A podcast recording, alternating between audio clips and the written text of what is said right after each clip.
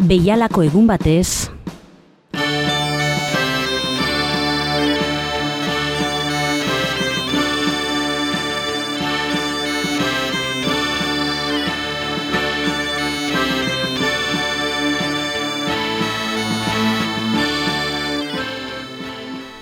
gure memoria eta oroitzapenari astinaldia emateko bide eta unean murgilduko zara datozen minutuetan Bilbo iria irratiaren entzule hori.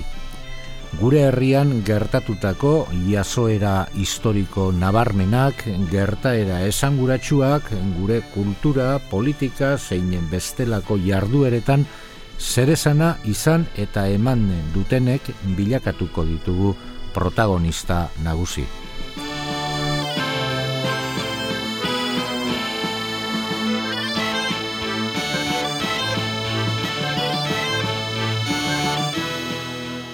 Gaurkoan, Gernikako bombardaketaren inguruan jardungo dugu. Ura izan zen mila bederatzireun eta hogeita amazazpiko apirilaren hogeita zeian, Gerra Zibilean Gernika hiri bizkaitarrak pairatutako hegazkin erasoa. Erasoak jende zibilaren sarraskia eta hiriaren suntxipena eragin zuen. Luftwaffe naziaren kondor legioa eta italiar fasistaren aviazioen legionariako hegazkinak ziren erasotzaileak.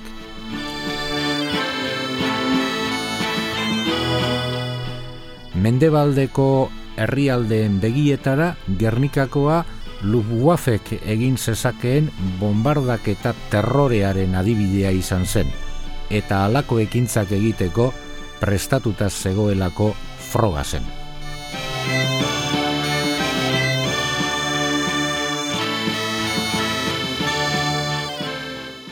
Hasi gaitezen bak kokatzen sasoi hartako inguru maria zertan zen. Mila bederatzireun eta hogeita mazazpiko apirilean, eraso betean zeuden matxinatuen indarrak, Emilio Mola generalaren agindupean.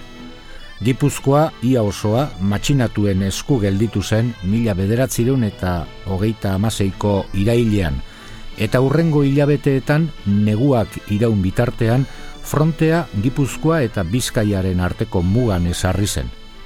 Baina udaberriarekin batera, Bizkaia mendean hartzeko azken kolpea prestatzearei ekin zioten Frankoren aldekoek.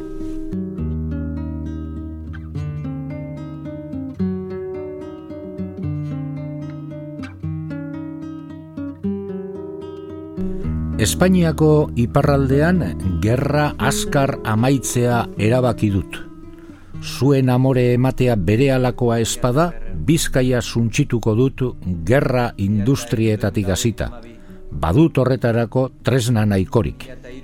Mehatxu hori sekarten horriak banatu zituzten airetik armada frankistaren hegazkinek bizkaiko zenbait herritan. Molaren sinadura zeramaten. Etzen mehatxu hutsa izan, martxoaren hogeita maikan Durango eta Elorrio bombardatu zituzten fasistek. Mila eta zortzireun da hogeita emeretzi Mila eta zortzireun da irurogeita emeretzi Mila eta bederatzireun da hogeita maika Mila eta bederatzireun da hogeita mezazpi Molak bere oharrean aipatu eta eskura zituen tresna horien artean gerra hegazkinak zeuden, matxinatuen nazioarteko aliatuek bidaliak. Sarri, zibilak izan ziren matxinatuen eta haien aliatuen hegazkinen jomuga. Ikuspegi militar utxetik inolako garraintzia estrategikorik ezeukaten herritar arruntak. Hala gertatu zen Otxandion, Durangon, Elorrion, Galdakaon eta nola ez Gernikan. Eta herrian Nafarroa galdu, Nafarraroa galdu,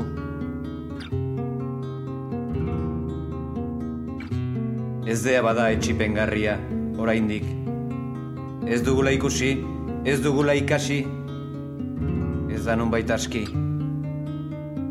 Askotan idatzi da, Gernikakoa izan zela, herritar zibilen kontra egindako lehenengo bombardatzea. Datu hori historia aldetik guztiz zuzena espada ere.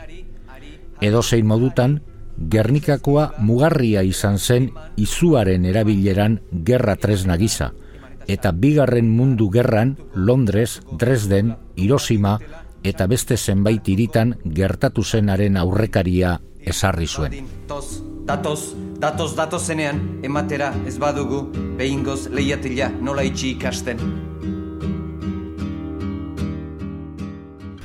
Munduari zirrara eragin zion bombardaketa mila bederatzireun eta hogeita mazazpiko apirilaren hogeita zeiko arratzaldean gertatu zen Gernikan.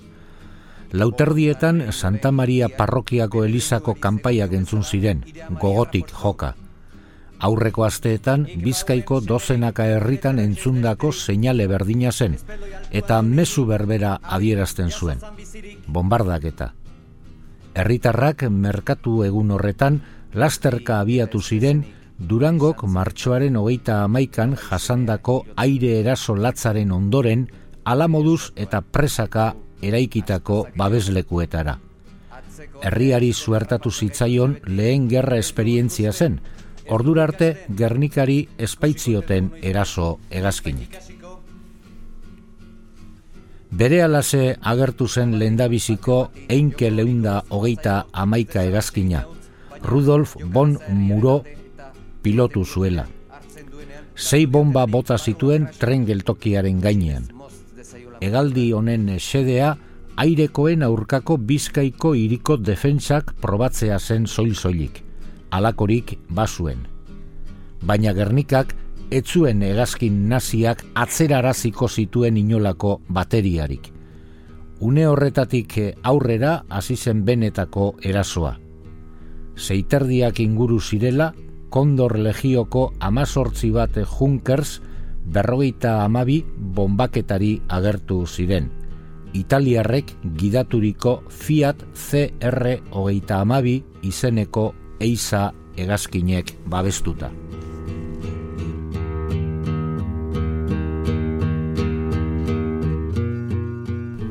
Bombardaketan eh, parte hartu zuten eh, pilotu alemanak gazteiz eta burgostik heldu ziren. Bezperan, Arabako hiriburuan goizeko lauretan amaitu zen ospakizun batean parte hartu zuten. Fronton, hotelean. Oikoa zenez, prostituta talde bat ere eraman zuten festara. Apirilaren hogeita zeiko eguerdi artean, bi eiza egazkinek Gernikaren gainetik hegaldi bat egina zuten, beaketetarako eta iopuntuen argazki ugari atera zituzten. Goizeko amaiketan behar zituzten datuak zorroan zituztela. Mutxategi inguruan elkarrizketatu ziren naziak eta frankistak. Araketa egazkinak egindako argazkiak aztertu ondoren, bombardatzeko agindua prest geratu zen.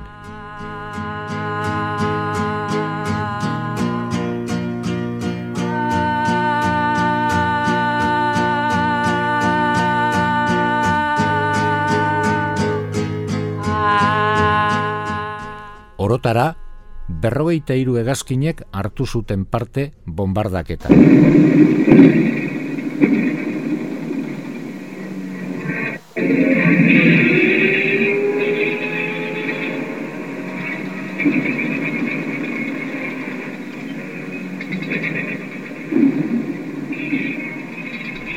Gernikako erdigunea suntxituta geratu zen.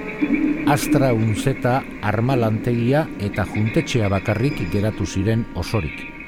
Kalte nabariak egin zituzten, zazpireun eta hogei etxeetan, eta haietatik euneko irurogeita amaika erabat deseginda geratu ziren. Bombardak eta amaitu ondoren, pilotu alemanak gazteizko fronton hotelera bildu ziren nork bere txostena idatzi ondoren, prostituzio etxera joan ziren. Gau horretan, oi baino jente gehiago egon zen han. Ena zakordekoa, 26 de abril, egun zeinaba duen. Berroi mila kilo lehergai erabili zituzten egazkin alemanak. Haietatik euneko irurogeita amabost zu emaileak izan ziren. Biktimak zenbatzea oso zaila gertatu zen. Gudaroste fasista handik egun gutxitara sartu baitzen irian, eta bombardaketak eragingo zuen eztabaidaren bizitasuna ikusirik, agintari berriek ahaleginak egin zituztelako gertaerari segokion guztia isil bideratzen. Ezinezkoa da zehaztea zenbat lagun hil zituen bombardaketak. Zenbaturik dauden gorpuak eunda hogeita inguru dira. Horietatik hogei bat identifikatu gabeak. Baina ezinezkoa da jakitea ondakinen azpian zenbat hilotz gelditu ote zen galduta.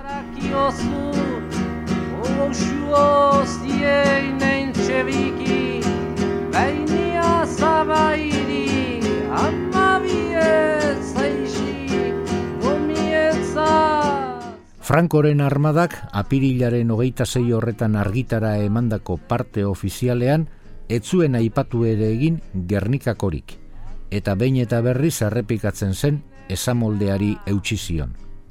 Bizkaiko frontea, gure gudarostea aurrera doa, garaile. Aurreko egunean aldean eman zen berri bakarra adierazpen faltsu bat izan zen, eta eusko jaurlaritzak etzuen esestatu ere egin. Hausen, atxilotuen ekopuru atxitugaria da eta haien artean buruzagietako bat dago.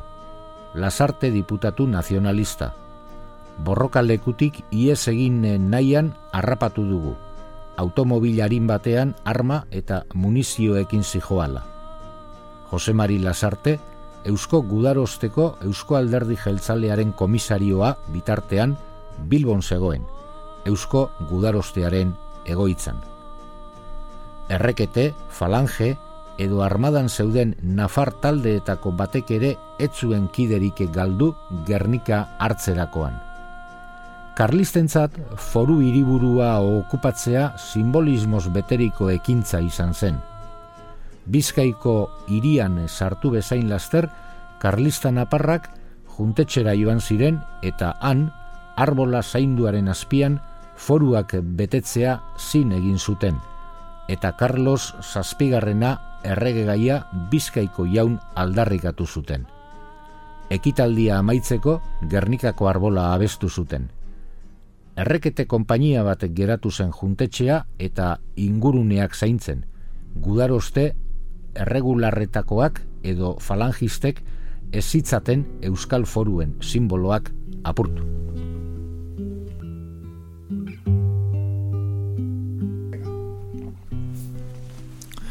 Gernikako bombardaketak e, mugarri handia suposatu zuen.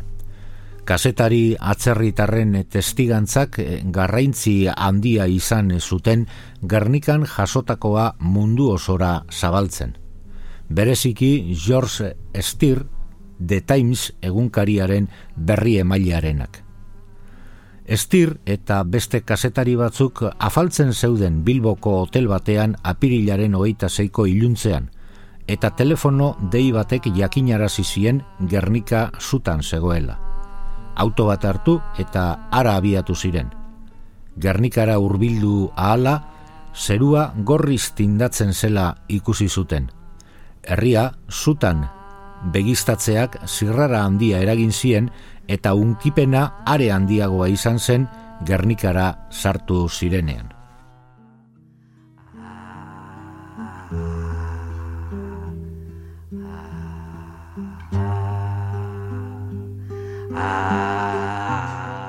Apirilaren hogeita sortzian, estirrek idatzitako kronikak argitaratu zituzten The Times eta New York Times egunkariek. Aurreko egunean, Frantzia eta Ameriketako estatu batuetako zenbait egunkarik argitaratua zuten albistea, baina estirren kronikek izan zuten eragin handiena. Lurrikara batek zeharkatu zuen mendebaldeko herrialdeetako iritzi publikoa. Urrengo urteetan, nazismoak mundu osoari ekarri behar zizkion oinase eta horroren lehenengo zantzua izan zen askorentzat.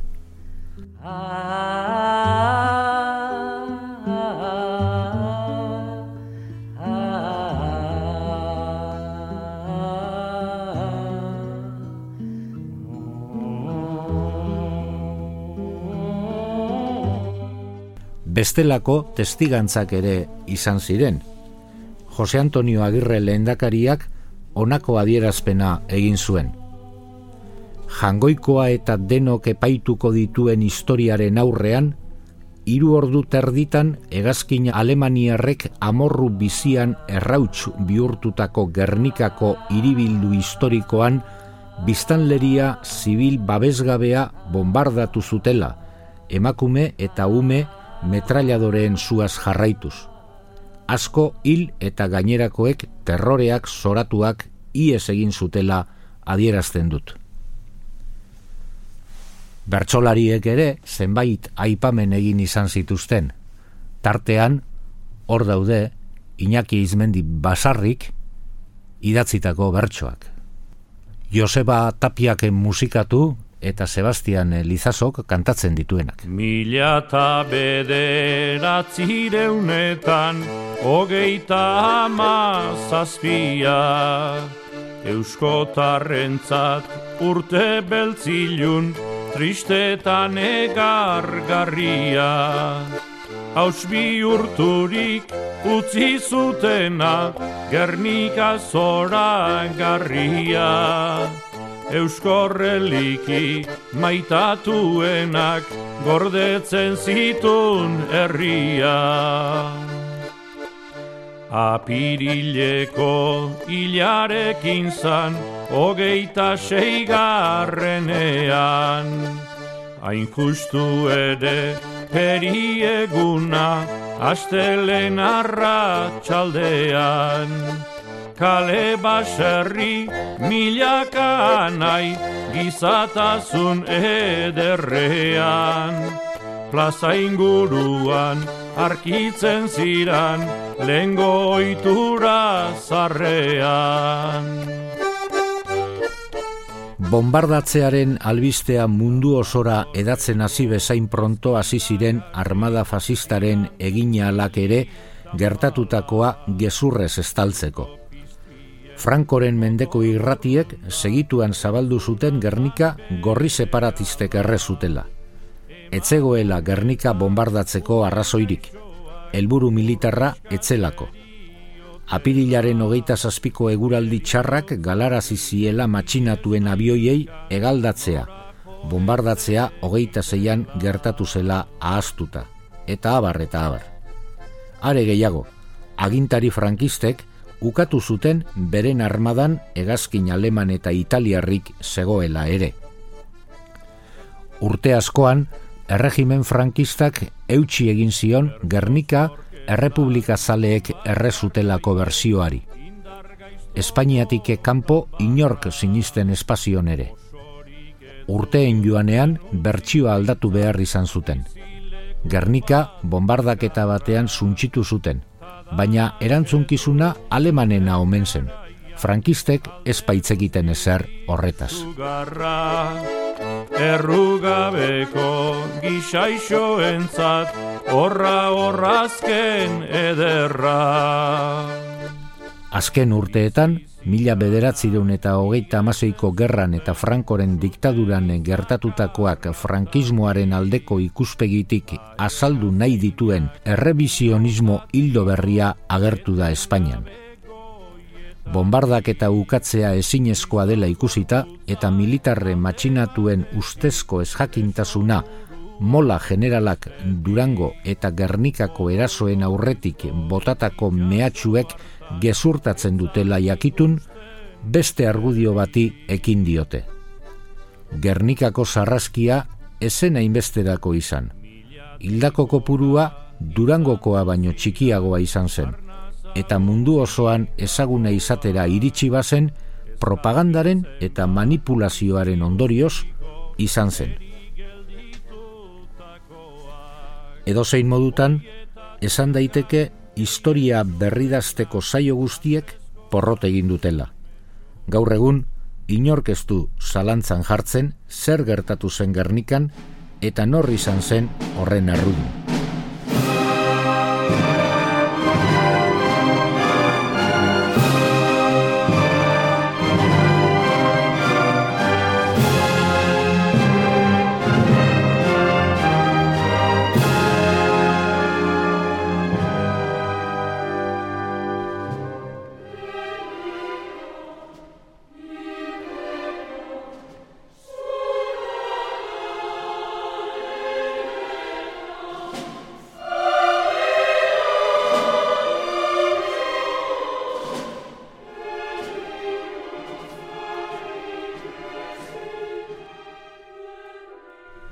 Gernika izeneko kuadroa bilakatu da Gernikako bombardaketaren e, ikur. Gernika, Pablo Picassoren margolana hain zuzen ere. Baina kuadroak badu bere aurrekaria. Labur bilduz esan genezake sasoi hartako Espainiako Errepublikako gobernuko ordezkariek Aurelio Artetari eskaini ziotela Gernikako bombardaketa plasmas esan kuadro baten bitartez. Aurelio Artetak sasoi hartan ba omen zeukan bere Mexikorako erbesterako pasajea erosita eta uko egin zion kuadroa pintatzeari.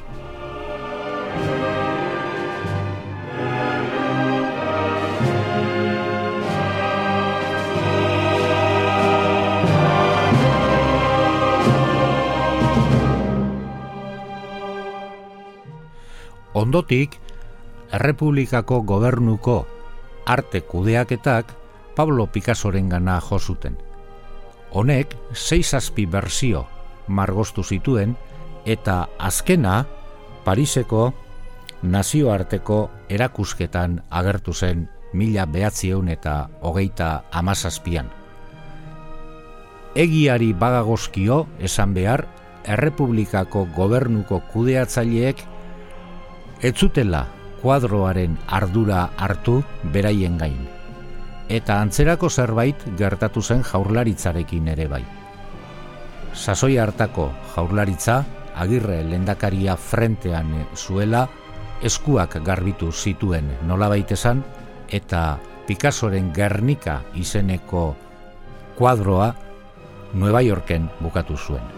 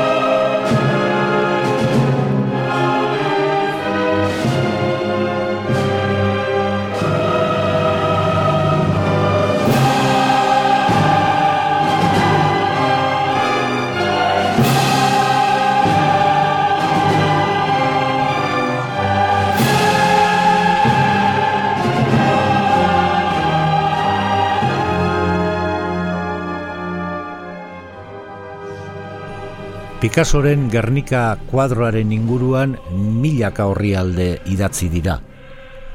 Arte historialariak estira bat etorri margolanean agertzen diren figuren esan nahia finkatzerakoan, eta nahazmena izan da nagusi, besteak beste, artistak etzuelako sekula ezer argitu.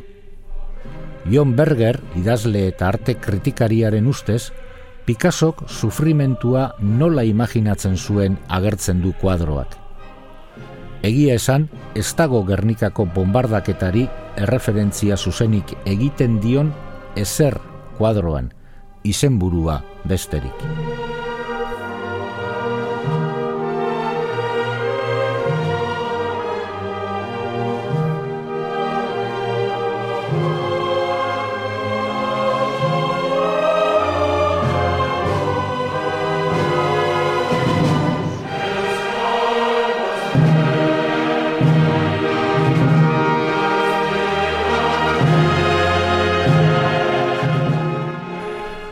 Urte askotan eh, Nueva Yorken eh, egon ondoren, eh, mila bederatzireun eta larogeita batean Madrilera ekarri zuten Picassoren Gernika kuadroa. Euskal Herrian, osenki entzun den arren Gernika, Gernikara, une honetan Madrilgo Reina Sofia museoan dago kokatuta.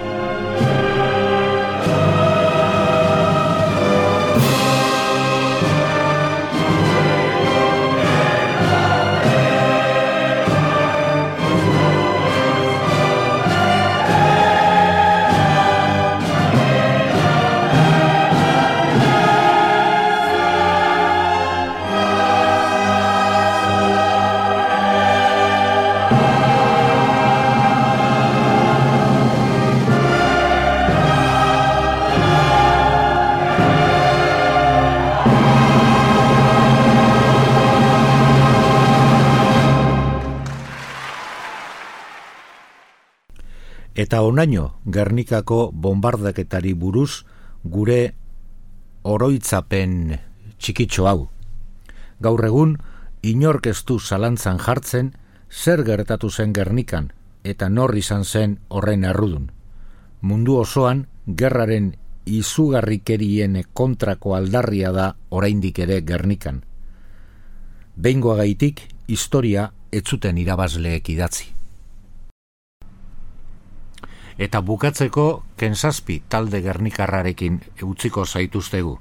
Joseba, Sarriona Indiaren testo batean oinarriturik egindako kanta da. Bertan, Gernikan bombardaketan hildakoen izenak aipatzen dira. Kantaren izena bera ere Gernika da. Eta besterik gabe entzule mila esker jarri duzun arretagaitik eta badakizu memoriaren txoko honetan leku bat daukazula beti. Javier Gardoki, Josefina Solo Zabal, Aurelio Legarreta, Catalina Arrieta, Maria Luz Fierro, Agirre Amabi